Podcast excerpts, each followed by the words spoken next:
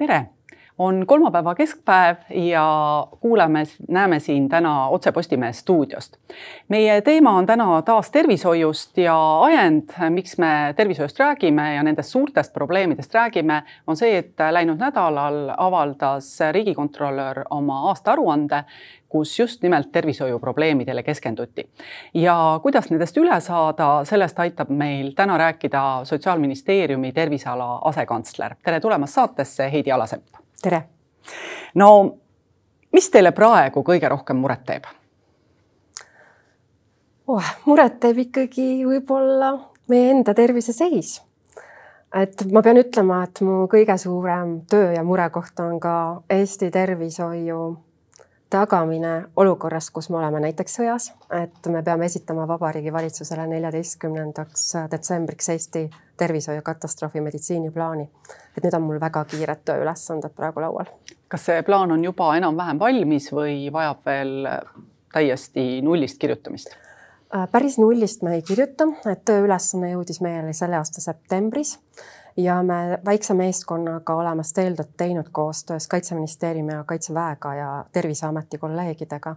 et eeltöö meil on olemas ja näiteks sellel reedel, üheteistkümnendal novembril on meil suur seminar koostöös Riigikantseleiga, kus me toome Eesti tervishoiujuhid kokku erinevatest organisatsioonidest, et rääkida nendel teemadel, et kuidas me hoiame oma valdkonnas Eesti turvalisust no kui me läheme inimestele lähemale või äh, räägime sellest, äh, mis äh, inimestele muret teeb, siis selge see, et nende jaoks võib-olla sellised kriisiplaanid on küll ühtepidi olulised teada, aga teistpidi ikkagi see, et inimesed ei pääse arsti juurde, see on nende üks kõige suurem mure. Ja see on viimastel aastatel, see probleem ei ole kuskile kadunud, võiks isegi öelda, et see on süvenenud, kui me vaatame, eh, kuidas Eesti paistab välja teiste Euroopa riikide hulgas, siis tõepoolest oleme juba aastaid, võiks öelda, viimasel kohal selles osas, mis on Eesti katmata ravivajadus. ja see erineb Euroopa keskmisest kaks ja pool korda umbes, eh, kui me vaatame mulluseid tulemusi eh, kas te nõustute riigikontrolöri arvamusega, et äh, see on sellepärast nii, et meil on aastaid jäänud olulised otsused tervishoius tegemata?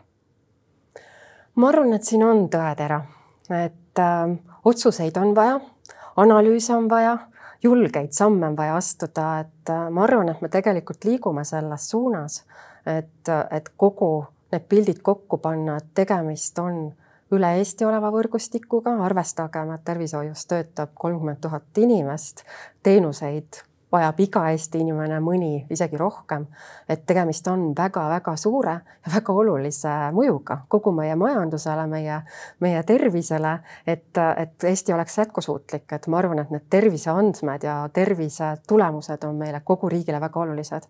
aga mis ma ütleksin tegelikult, et ka meie enda terviseteadlikkus, et kõik asjad, mida annab ennetada, et ka nendes osas me peame väga palju tööd tegema, mitte ainult tervishoiuteenuse tagamisel ja kindlasti ja ilmselt on nii, et äh, mõnedel tuleb see paremini välja, mõnedel äh, vajab võib-olla see veel harjutamist või teadmiste kogumist. aga kui me ikkagi mõtleme, et kuidas inimene täna äh, arsti juurde pääseb, siis on selleks laias laastus kolm teed. kas ta läheb perearsti juurde, kas ta kutsub endale kiirabi või ta läheb erakorralise meditsiini osakonda siis haiglas ja haiglate EMO-de kohta on nüüd äh, viimastel päevadel ilmunud ka päris mitu artiklit, seal on pikad järjekorrad, aga see ei ole üks ja sama järjekord, et need järjekorrad võib jagada laias laastus kaheks. Äh, no ütleme, selline keerulisem järjekord äh, kui me mõtleme inimese tervisele, on kindlasti see, kus kiirabi poolt haiglasse toodud inimesed ei pääse haigla ustest sisse, kiirabibrigaadid koos patsientidega seisavad haiglate uste taga. see on järjest sagedasem probleem ja, ja sellele nagu ei ole lahendust. kuidas teie näete, et see probleem võiks laheneda, kas me peaksime näiteks haiglaid, EMO-sid suuremaks ehitama või me peaksime kuidagimoodi püüdma ähm, siis inimesi mitte sinna kiirabidega sinna EMO-de uste taha tuua teate, Kadri, ma arvan, et äh, neid äh, füüsilised pinnad ei too meile juurde kindlasti tervishoiutöötajaid ja olles ise haiglas töötanud, et ma tegelikult tean, mis probleemid seal on. et ka näiteks selles, et äh, kes peab EMO-sse minema, kes mitte patsientidest. et ma arvan, et see on hästi kahetsusväärne, et meil ka kiirabid äh, seisavad ootejärjekorras patsiendid peal ja olen ka seda käinud sügisel ise oma silmaga vaatamas. mul on hea meel öelda, et meie rakendusasutused tegelikult selle teemaga tegelevad. et nii Terviseamet, Häirekeskus, kiirabiga koostöös, Tervisekassa ka sinna juurde, kes on lepingute hoidja kiirabiga, et püütakse ka selles tänases olukorras siiski lahendusi leida.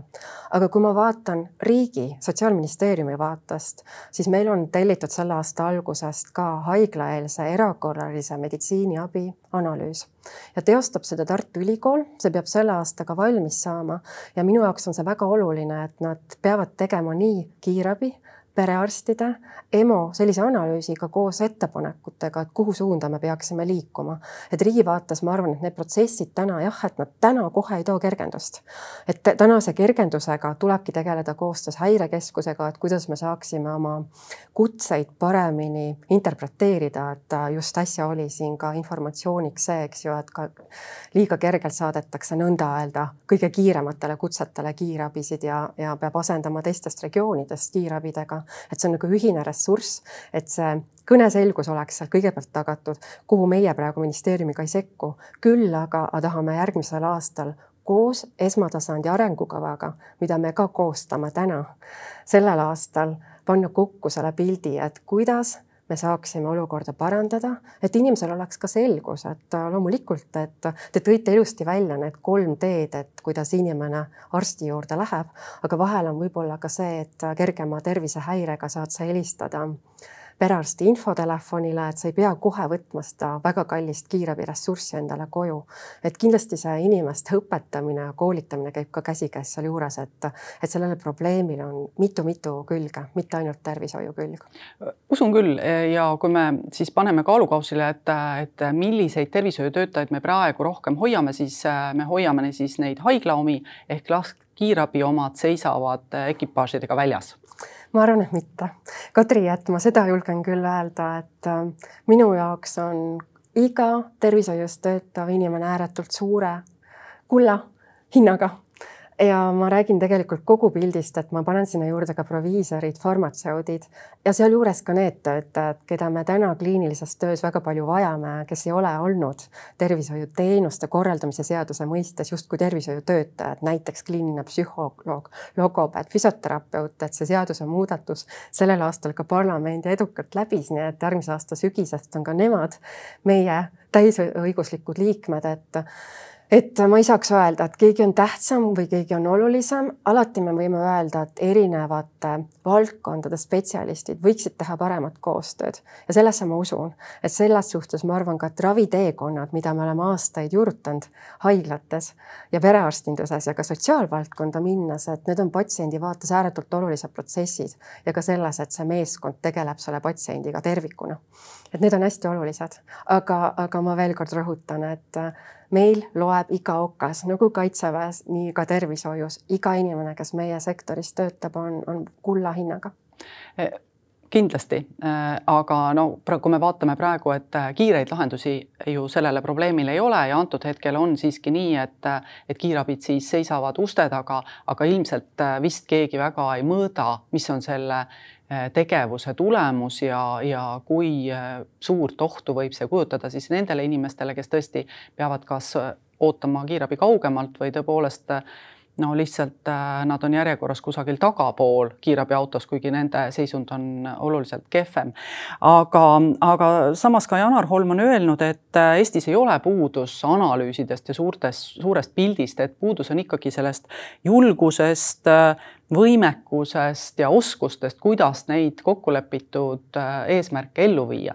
ja nüüd äh, teie räägite mulle siin, et te teete jälle seda analüüsi, kus tulevad siis äh, välja võimalused, kuidas olukorda parandada, see tähendab, et tuleb kokku järgmine seltskond, kes hakkab otsustama, et kuidas siis neid olukordi parandada. Mhm. see tundub jälle selline aastatepikkune tegevus, mitte nüüd kiire olukorra lahendamine, mida kiiresti saab teha ma tegelikult äh, arvan, et neid kiireid lahendusi, mis tegelikult meil täna teevad rakendusasutused ja Eesti Haigekassa, et neid me teeme jooksvalt. no tooge mõni näide ma näiteks ütleks, et väga hea on olnud minu arvates aastate jooksul arenenud e-konsultatsioon eriarstide vahel. aga see ei aita ju selle kiirabi ja EMO probleemi suhtes praegu. aga kiirabi suhtes on ka täpselt seesama, mida ma ütlesin, et kui meil on tekkinud probleemid, siis ma näen seda, kui kiiresti meil kolleegid nii Terviseametist tervisekassast tegelikult reageerivad ja püütakse jätkuvalt leida lahendusi, et seesama, et milliseid äh, kuidas kõnesid meil interpreteeritakse, et häirekeskusega koos püütakse leida lisakoolitusi, et ma arvan, et tegelikult selline rakendustasemete tegevus käib sümfoonil kogu aeg, aga mina usun ka muuseas sellesse, et me vajame tunduvalt suuremaid muudatusi. Ja ma usun ka sellesse, et elu on muutlik ja me ei saa olla paindumatud ja öelda, et aastal kaks tuhat kaheksa tehtud analüüs täna on pädev kindlasti mitte. et uskuge mind, et ma olen ise olnud kakskümmend aastat äh, tervishoius ja, ja muudatused on ja ka viimased pandeemia aastad on meile näidanud väga paljud kitsaskohad kätte, mida me võib-olla viis aastat isegi nii urgentselt ei näinud. et, et meie selle riikliku ajatempo me olemegi praegu teinud selliselt, et me järgmisel aastal hakkame panema kokku nii haiglavõrgu analüüsi, mis ka sellel aastal valmis esmatasandi analüüsi, mis äh, hakkab valmima järgmise aasta esimesel poolaastal. seesama kiirabi äh, erakorralise meditsiini audit, mida teeb Tartu Ülikool ja nende põhjal me saame hakata tegelikult vaatama meie ressurssi. et äh, ma tegelikult ka tutvudes Riigikontrolli kokkuvõttega, mida ma hindan väga kõrgelt, et ma olen väga tänulik, et minu arvates see on praegu justkui meie tegevuste toetuseks ka tulnud, et ähm, me oleme täpselt samas ajatempos enda plaanidega, et kahe-kolme aastaga peab see suur plaan koos olema, kus me oleme tõepoolest valmis ka ehk siis tegelikult poliitilisi otsuseid tegema, et äh, meil on võib-olla selles raportis isegi nii täpselt ei öeldudki, aga osade erialade osas äh, piirkonniti ikkagi kättesaadavused väga rasked. ja mulle meeldis ka, et seal raportis on välja toodud, et me peame ka hindama seda, et kuidas siis sealt kaugemalt inimene näiteks keskusesse saab selle eriarsti juurde. aga e-konsultatsiooni areng on sellepärast hästi oluline, et vaadake, mis on tegelikult hästi oluline. oluline on selles suures süsteemis rollid ja väga oluline on see, et patsient oleks õigel ajal õiges kohas. jälle, et äh, kui kiirabisse kutsutakse kõrge palaviku pärast ainult, eks ju, ja, ja võib-olla on interpreteerimisega keerulised ja samal ajal kui keegi, kellel on südameseiskus, vajab elustamist, et need on nagu sellised kohad, kus me peame tegelikult ka rahvana muutuma targemaks, oma tervisest äh, tegelikult suutma paremini ise ka hea seisma, et mitte laskma ka tervist väga halvaks, et, et need ennetavad asjad meil ka kõrvalt toimiks. Ja need on asjad, mida me tegelikult sümfoonil kogu aeg ka arendame nii, aga mis te näiteks arvate, Märt Põlluveer, EMO arst, lugupeetud tegelane, soovitab kiirabis kehtestada visiiditasu, see on üks väga lihtne võimalus, kuidas kiirabikutseid oleks vähem, tõenäoliselt oleks vähem ka neid kutseid, mis võib-olla võiksid ka ära olla uh -huh. ja, ja ütleb, et see summa võiks või see tasu, visiiditasu võiks olla näiteks kakskümmend või kakskümmend viis eurot. toetate seda mõtet um.? Ma olen doktor äh, Märt Põlluveeriga olnud aastaid kolleeg Ida-Tallinna Keskhaiglas ja ja ma näen seda ka, et me tegelikult riigi tasemel seda maksu või tasu mm, lauale panekut tegelikult arvestama. Ja, ja mitte, ma arvan seda, et Eestis kahjuks on äh, patsiendi omaosalus väga kõrge et need ei saa olla ka ainult lahendused, et me paneme siis sellele üksikisikule ainult raha juurde. Ja see vajab kaalumist, et ma ei taha keerutada, et ma olen seda meelt, et õige patsient peab olema õiges kohas. Ja ma tõepoolest ei tahaks ka seda, et inimene, kelle jaoks on kakskümmend eurot väga suur summa, ei kutsuks kiirabi või ei tuleks EMO-sse no,. Loodame... Need on hästi suured kaalumised, mille peale me tegelikult peamegi mõtlema ja, ja mis ma arvan, et ka me head kolleegid Tartu Ülikoolis seda analüüsi tehes ka meile ettepanekuna lauale toovad. sest ma olen näinud ka haiglas töötades ka seda, et seesama viis eurot äh, visiidimaksu, eks ju, et mis tundub meile kõigile tegelikult ju naeruväärse summana. et ka osadele inimestele on see ääretult vastuvõetamatu seda maksta, et ma arvan, et meil on iganenud vaateid oma suhtumises tervisesse, ka sellesse, et kuidas me panustame. et täna me teame ka, et solidaarne ravikindlustus, et põhimõtteliselt neid, kes sinna panustavad rahaliselt otse oma palgast läbi tööandjate, eks ole, et neid on ju põhimõtteliselt peaaegu sama number kui neid, kes on solidaarselt siis selles ravikindlustussüsteemis no,. hästi, aga räägime korra veel EMO-st ka siis selle teise järjekorra mõttes. nimelt need inimesed, kes tulevad otse EMO-sse sellepärast, et kas nad ei saa või nad ei taha perearsti juurest abi otsida ja, ja kiirabi kutsumine tundub neile kohatu, siis nad tulevad EMO-sse. on öeldud, et tegelikult äh, just nimelt äh, siin mitmed äh, EMO tohtrid, et tegelikult peaks EMO-sse pääsema ainult perearsti saatekirjaga. alternatiiv, kuidas seda tõrjuda, on näiteks taas visiiditasu kehtestamine ja kolmas võimalus ikkagi luua sinnasamasse haiglate juurde, mitte kuskile väga kaugele, äh, siis äh, üldarsti vastuvõtt, perearsti vastuvõtt, kus inimene saabki abi, sellepärast ega tema ei ole ju süüdi, et perearste ei jätku või et mõned ei tee oma tööd nagu peaks. ja, ja ma, ma mäletan seda, et Sotsiaalministeerium andis ka Riigikogusse Äh, ühe ettepaneku, mis äh, seda teemat äh, püüdis lahendada, aga Riigikogu tõrjus seda, Sotsiaalministeerium võttis tagasi. et mis need teie mõtted praegu selles uh -huh. küsimuses on, et kuidas me siis EMO-des selle niinimetatud lihtsamate patsientidega, kui nii tohib öelda, kuidas me nendega tegeleme? ma muideks, Kadri, ütleks, et mulle need kolm ettepanekut kõik väga meeldisid ja, ja see viimane veel eriti ka, et et äh, üldarst võtta tööle EMO juurde, et me oleme seda ka tookord doktor Põlluääriga ju omavahel mõtetega ka vahetanud, et ma arvan, et see oleks olnud üks lahendus, mis kahjuks tõepoolest ei leidnud poliitilist toetust, et me pidime selle laualt maha võtma. et, äh, et nagu ma ütlen, et äh, inimese rahakoti sisseminek on tervishoiusüsteemis keeruline. et kuidas sa siis lood selle kriteeriumi, et mis on selle inimese jaoks urgentne probleem, mis mitte. Et aga kui meil muud võimalust ei jää, siis tuleb see kehtestada. aga ma taaskord ütlen, et ma ootaks ära kõigepealt oma kolleegide Tartu Ülikoolist analüüsi koos ettepanekutega, sest ega meid ka tervishoiu rahastamise jätkusuutlikkusest täna pikemas perspektiivis ei aita ainult EMO visiidimaks, et probleemid on tegelikult sügavamad ja me peame väga silma vaatama sellele, et me oleme tänaseks, ma arvan, tervishoius saavutanud väga kõrge kvaliteedi, et meil on väga häid uurimismeetodeid, meil on väga head koolitussüsteemid, meie arstid-õed käivad väliskoolitustel, et, et me oleme tegelikult, ma arvan, et me oleme riigina suutnud oma tervishoidu siiski väga hästi arendada, aga tänaseks oleme sellest ka natuke ummikus, et me peamegi ette valmistama suuremaid lahendusi, tooma neid erinevate mudelitena välja ja püüdma leida siis Eesti jaoks selle kesktee ja öelda ka siis inimestele, et mida me saame, mida mitte selle raha eest, aga praegune maksusüsteem meil väga pikalt koos ei seisa.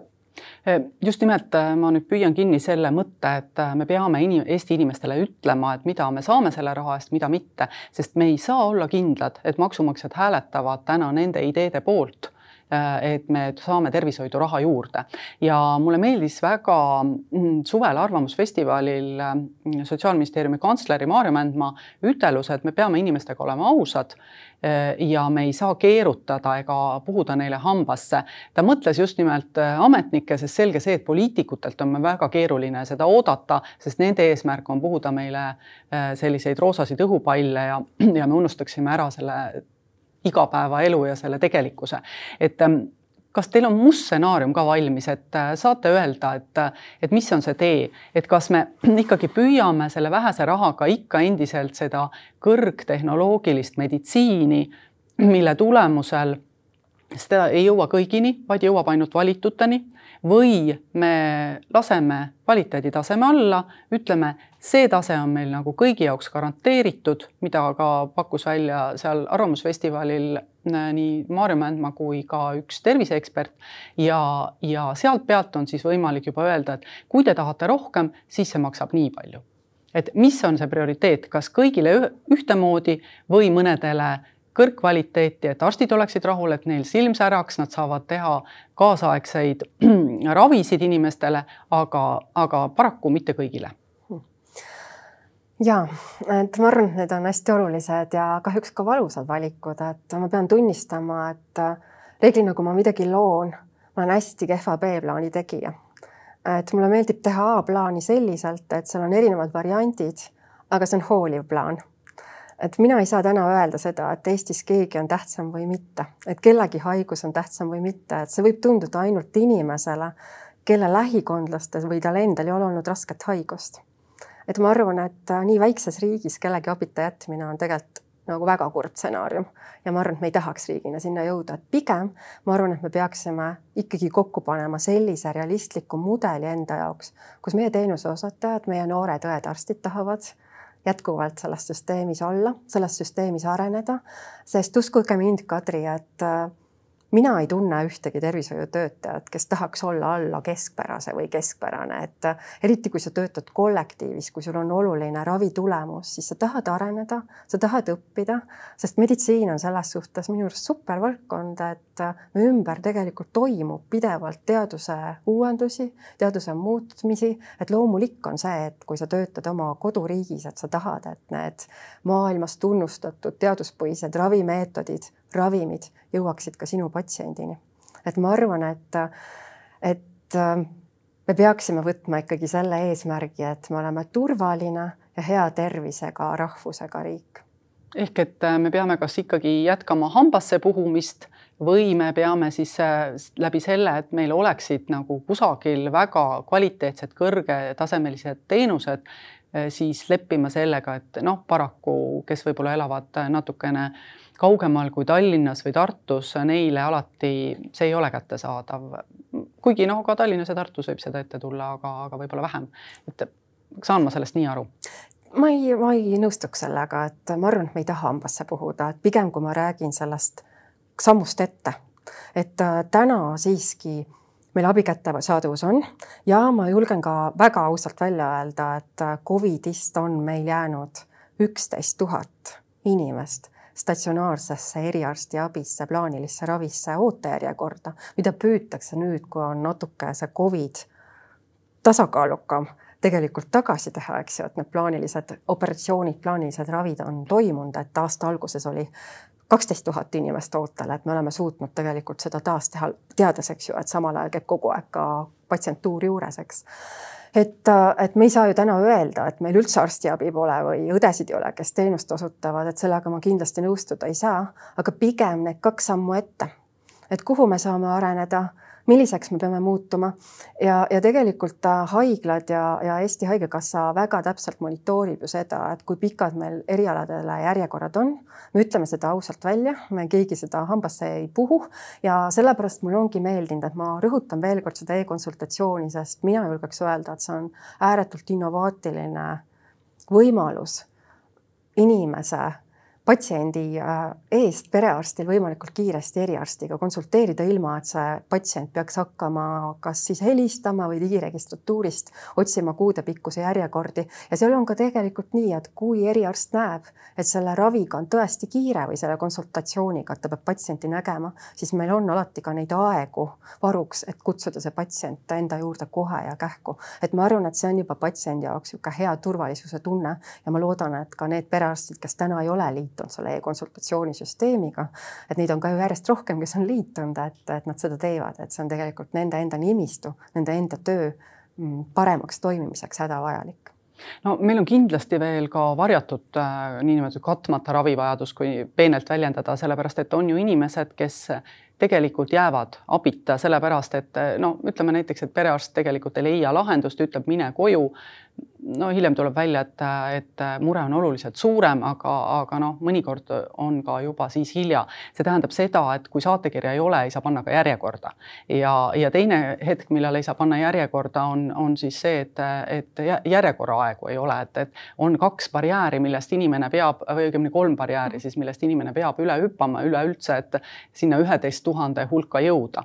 aga ma mõistan, et see olukord on keeruline ja saan aru, et musta stsenaariumi plaani siiski, et kõigile ühepalju äh, valemiga meil praegu kavas ei ole, aga võib-olla räägime natukene nendest koroonavaktsiinidest ka, sellepärast et, et see on ikka alati inimestel hingel, et no et me justkui oleme läbi Euroopa leppinud kriisi ajal kokku väga suured vaktsiinide kogused ja mis nendest saab vaatasin statistikat, et lepingute järgi kuus koma seitse miljonit doosi koroonavaktsiine peaks Eestisse siis saabuma lähiaastate jooksul. Nendest natuke üle nelja miljoni on tulnud umbes pool on kulunud. see tähendab, et meil praegu justkui on üle, kui nii võib öelda, siis neli miljonit ja natuke peale koroonavaktsiini, sellepärast et noh, selge, et osad siiski kuluvad ära meil ka veel tõhustusdoosideks. Mis nende vaktsiinidega saab või kui suur lootus on, et nendest on võimalik kuidagimoodi loobuda, no näiteks nii nagu tegi Eesti riik ka koos kümne Euroopa riigiga ettepaneku, et Euroopa Liit räägiks läbi tootjatega, et nende samade vaktsiinide asemel antakse Eestile teisi ravimeid. et, et mis see niisugune võimalus üldse on, et see võiks realiseeruda? Ah, mul on seda väga raske kommenteerida, et, et meie otse nendes läbirääkimistes ju ei ole, aga me toetame seda protsessi küll, et, et võib-olla sellest nendest numbritest, mida te ütlesite, see kuus koma seitse on tõepoolest, eks ju. ma arvan, et tollel hetkel, kui vaktsiinid tulid, oli see Eesti jaoks väga hea ja õige lahendus. ja mis on ju veel, mida, millega peab arvestama, et esiteks see pandeemia ei ole läbi. see omikroni tüvi on meeletult muteeruv et meil äh, hea, väga koos, hea, väga hea koostööpartner Teadusnõukoda üle, üle nädala teeb meil teadusuuringuid, kus tegelikult on ka ülevaated äh, erinevate tüvede osas ja see on tõepoolest ääretult, ääretult kirju pilt et, et ka neid vaktsiine üritatakse kohaldada, mis on minu arvates hea ka selle leppe raames, eks ju, et sa ei võta seda päris äh, esimest vaktsiini, vaid tegelikult tuuakse ka neid tüvesid välja, et mul kogu aeg nagu meenub analoog gripivaktsiinide prognoosidega. see vist, see vist sai nüüd ka kokku lepitud tootjatega, et nad edaspidi äh, annavad siis neid niinimetatud äh, täiustatud vaktsiine, eks ole mm. -hmm. et see on Just. tegelikult mm -hmm. protsess, mis mm -hmm. on hästi oluline. et äh, Eestis on tõepoolest ka niimoodi, et see neli koma seitse miljonit on Eestisse jõudnud. Praegu on meil üks miljon doosi laos ja kaks miljonit on meis kõigis. Ehk kaks miljonit doosi on meil meil süstitud ja ma olen nagu väga rõõmus selle üle, sest äh, see on ikkagi abiks ka kõikide nende erinevate kiiresti muteeruvate tüvede suhtes, et, et äh, et ta ei hoia ära haigestumist, vaid seda, et äh, haigesse, haiglasse ei satu. Ja võib-olla lihtsalt mulle väga meeldib, et, et meil teadlased on arvestanud ka välja, et kui palju me aastas oleme tänase vaktsineerimise tempo ja osakaalu juures võitnud, tegelikult on see kolmsada ja nelisada elu, et, et need on väga olulised asjad mõeldes, et mis maksab vaktsiin ja mis maksab siis inimelu, et, et mul on hea meel, et need vaktsiinid Eestis on. aga tõsi on ka see, et, et ma isiklikult arvan, et et ka Euroopa oma hangetes on mõelnud donatsiooni peale, mis on osutunud tunduvalt raskemaks. et ma mõtlen selle all seda, et rikkamad riigid, kes on ka siis tänaseks tegelikult Eesti, saab aidata neid riike, kes on tunduvalt kehvemas seisus, kui, kui meie oleme oma heaolus. Te peate silmas siis äh, vaktsiinide annetamist teistele riikidele, aga kuna kõigil on nüüd vaktsiine üle, sest Euroopa omal ajal, kui ta lepinguid tegi, arvestas ju, et igale eurooplasele kümme doosi vaktsiini, siis, äh, siis ilmselt ei ole väga lihtne nüüd nendest vaktsiinidest lahti saada, mis Eestis üle on. ja, ja, ja mis on ka tootjatega läbirääkimine, et, et äh, kui ei ole mõistlik enam tuua riikidesse vaktsiine, siis neid ei tooda ehk see protsess nagu peatub. ehk nad see... seisavad mujal, aga nende eest peab maksma. just Mm -hmm. et aga sa ei ladusta neid siin Eestis ja sa ei hakka tegelema sellega, et, et me teame ju, et vaktsiinidel on ka säilivusaeg, et ühel hetkel sa ei saa neid enam süstida. et mis on ka olnud ju kogu selles pandeemias ja selles uudsuses tegelikult ju ma arvan ka, et unikaalne, et, et neid protsesse ei juhi Eesti, eks ju, et need on ka Euroopa Ravimiameti protsessid, et ka nende vaktsiinide säilivusaega on pikendatud ajas. et, et noh, kõik need uuringud ja kõik see protsess toimib siin kõrval. aga tõsi ta on, et, et vaktsiine on rohkem kui neid, kes on vaktsiini vajamas. aga me ei tea ka veel väga täpselt, kuidas see Covid-19 pandeemia edasi käitub, et mõni nädal tagasi oli Eestil külas Euroopa Komisjoni tervisevolinik, kes tuletas meile meelde, et pandeemia ei ole läbi ja ka selleks hooajaks siiski ennustatakse, prognoositakse nii Covidi kui gripi tõusu, nii et, et viirustele meie maailm hästi sobib, et vaktsiinid siiski aitavad ja kellel vähegi võimalik on, minge veel vaktsiin, vaktsineerima, et vaktsiinid on olemas. kuuskümmend pluss on ka gripivaktsiin tasuta, riigi poolt kompenseeritud, et, et tuleb oma tervist hoida, et need on ka need kohad, kus me tegelikult hoiame oma tervishoiuressursse kui me mõtleme, et äh, koroona haige, koroonasse haigestumine võib äh, tõusta ja, ja just nimelt ka nende riskirühmade seas, siis paljud riigid on äh, täna asunud ikkagi endale ise ostma Paxloviidi, mis on siis see koroonaravim, mida Eestis siiski veel ei ole, kuigi ta pidi juba tulema kevadel me väidetavalt äh,, Haigekassa juht on öelnud, et äh, või ka minister, ma praegu ei oskagi täpselt, ei mäleta, et, et äh, me peaksime Euroopaga jälle diili tegema, sellise ühtse lepingu. kas ei ole nüüd siin oht, et me jällegi nagu loodame millelegi, mis ei ole meile kasulik, sest kui me mõtleme ka nende vaktsiinilepingute peale, siis noh, kui me lahutame või paneme juurde sellele koroonavaktsiini hinnale nüüd kõik need ravi, need vaktsiinidoosid, mis meil üle on, siis see hind on ju ka hoopis teine, mis tolle tollel ajal sai kokku lepitud. Ja ilmselt osad riigid ongi sellepärast nüüd läinud seda teed, et, et nad siiski varuvad oma inimestele ravimi, mis on tõestatult koroona vastu. Miks Eesti seda ei tee, ta ütleb, et hind on kõrge, aga, aga samas te tõite ka välja, et, et iga inimelu on oluline. Mm. -hmm ja et äh, Paxlovid on tõesti väga kauaoodatud ravim ja, ja noh, meil on õnneks ka teisi ravimeid, mida me oleme Covidi perioodil saanud kasutada haiglas olevatele patsientidele, need on olnud tõhusad. et, äh, et täpselt sama on ka Paxlovidi puhul, et, äh, et need läbirääkimised, mida on siis Euroopa meie eest pidanud tegelikult firmaga, et on olnud käänulised. tagamaid ma kahjuks ei oskagi isegi välja tuua, aga aga taaskord, et meil on lubadus, et järgmisel nädalal tuleb see leping. Ja ma arvan muuseas, et, äh, et me ju analüüsime aasta-aastalt oma Covid õppetunde. Ja kindlasti ka nende ühishanked on üks õppetund, millest me peame tegema järeldusi, õppima, kas need Eesti taolise väiksele riigile on ainus tee, kas see on õige tee, et täna me oleme selle tee valinud ja see tee on meile toonud maailma tasemel kõige paremad vaktsiinid et see on kindlasti hästi, et Paxloviidi venimine ma arvan, et ta ei ole inimelusid siiski kaotanud, et äh, me oleme saavutanud siiski see kuuskümmend viis protsenti vaksinatsiooni mm, protsendi ja riskirühmade vaktsineerimine on jätkuvalt meil väga tugev äh, prioriteet. et ma jääks ka päris selle peale, et nüüd Paxlovid tuleb, et äh, et ootame selle ära, ei, tuleb ikkagi vaktsineerida, et see on see esimene samm, mis tegema peab ja see, kellele siis arst hakkab määrama Paxloviidi, et see on juba, see on juba hoopis teine nagu teema. ja ma saan aru, aga võib-olla me siis ei peagi seda ostma, kui me ütleme, et äh, me tegelikult elusid ei kaota äkki me ütleme, et äh, piisab sellest, et me saame intensiivis inimesi ravida, kes tõesti sinna ei. kukuvad. Äh, Paxloviidi eesmärk ongi see, et inimene ei satuks sinna. just nimelt, aga kui me ütleme, et noh, nad saavad terveks ja neid on vähe, et võib-olla me siis äh, nagu kulutame noh, ma lihtsalt keeran praegu küsimuse teistpidi teadlikult, et äkki meil ei olegi seda vaja? ei, mina, mina tahaks, äh, Kadri, seda, et äh, meil tegelikult Eesti tervishoiutöötajatel oleksid võimalused kuidas oma patsienti paremini kaitsta ja päästa. ja, ja inimesel on ka tegelikult ja, rohkem võimalusi et.... aga kui palju seda Paxloviidi tuleb, kas äh, on teada? me ootame kokku neliteist tuhat Paxloviidi. selge ja seda võetakse siis, kas see neliteist tuhat tähendab, et neliteist tuhat kuuri? Äh, jah, okei okay. mm, -hmm. aga see tähendab neliteist tuhat kuuri või mm -hmm. siis see tuleb jagada siis viiega mm. -hmm. et äh, kuna vist viis päeva tuleb võtta või mm? -hmm. just et ma mm -hmm. ütlen, et see ei ole selles suhtes universaalne ravim, et kõik seda saavad ja, ja Paxloviidi et mille pärast tegelikult neid pingeid on ka olnud ja mille pärast on äh, ka veninud, et uuringuid on igasuguseid vahepeal olnud, eks ju. selge, jah, nagu iga uue asjaga. et ma ütlen, et see on sellest, see on komplitseeritud protsess ja, ja pandeemia on pannud äh, kogu maailma hoopis uutesse tingimustesse.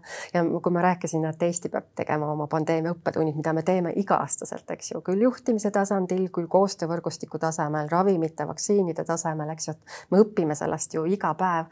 aga mis on tegelikult mulle endale ju ka tervishoius pikalt töötanud inimesele hoopis, hoopis teine, et, et seesama, et Euroopa on justkui lahustamas neid piire, et tervishoiukorraldus on siseriiklik, eks, et, et kõik need hanked ongi Euroopa-ülesed ja HERA, mis on Health Emergency Response Agency Euroopasse just pandeemia ajal loodud komisjoni juures olev organisatsioon, tohutult aktiivne tegelikult, et see puudutab praegu ka teisi teisi olukordi, et nii kui oli ahvirõugete mm, nakkuse oht, meid väga kiiresti võeti kokku, sealt hakati tagama vaktsiine, ravimeid, mis on ka veel oluline, on see infovahetus, eks ju, et tänaseks ka kiirguse ja muude uskumatute tunduvate õnnetustena, mis meid tagama, tabada võivad, et mõneti on tegelikult see selline positiivne õppetund, et, et me ei ole ka päris üksi nende muredega ja need on piiride üle, ülesed. Ja ma arvan muuseas, Kadri, ka seda, et, et kindlasti ka need Euroopa-poolsed hankijad täna õpivad sellest protsessist nii vaktsiinide kui ravimite osas no loota jääb ja igal juhul on selge, et äh, tööd tuleb teha palju, kuna need potentsiaalsed ohud on silmapiiril. Äh, kahjuks äh, meie saade on tänaseks läbi, suur tänu tulemast, terviseala asekantsler Heidi Alasepp. aitäh kutsumast. ja täname kõiki kuulajaid-vaatajaid. värsked uudised taas www.postimees.ee. kõike head teile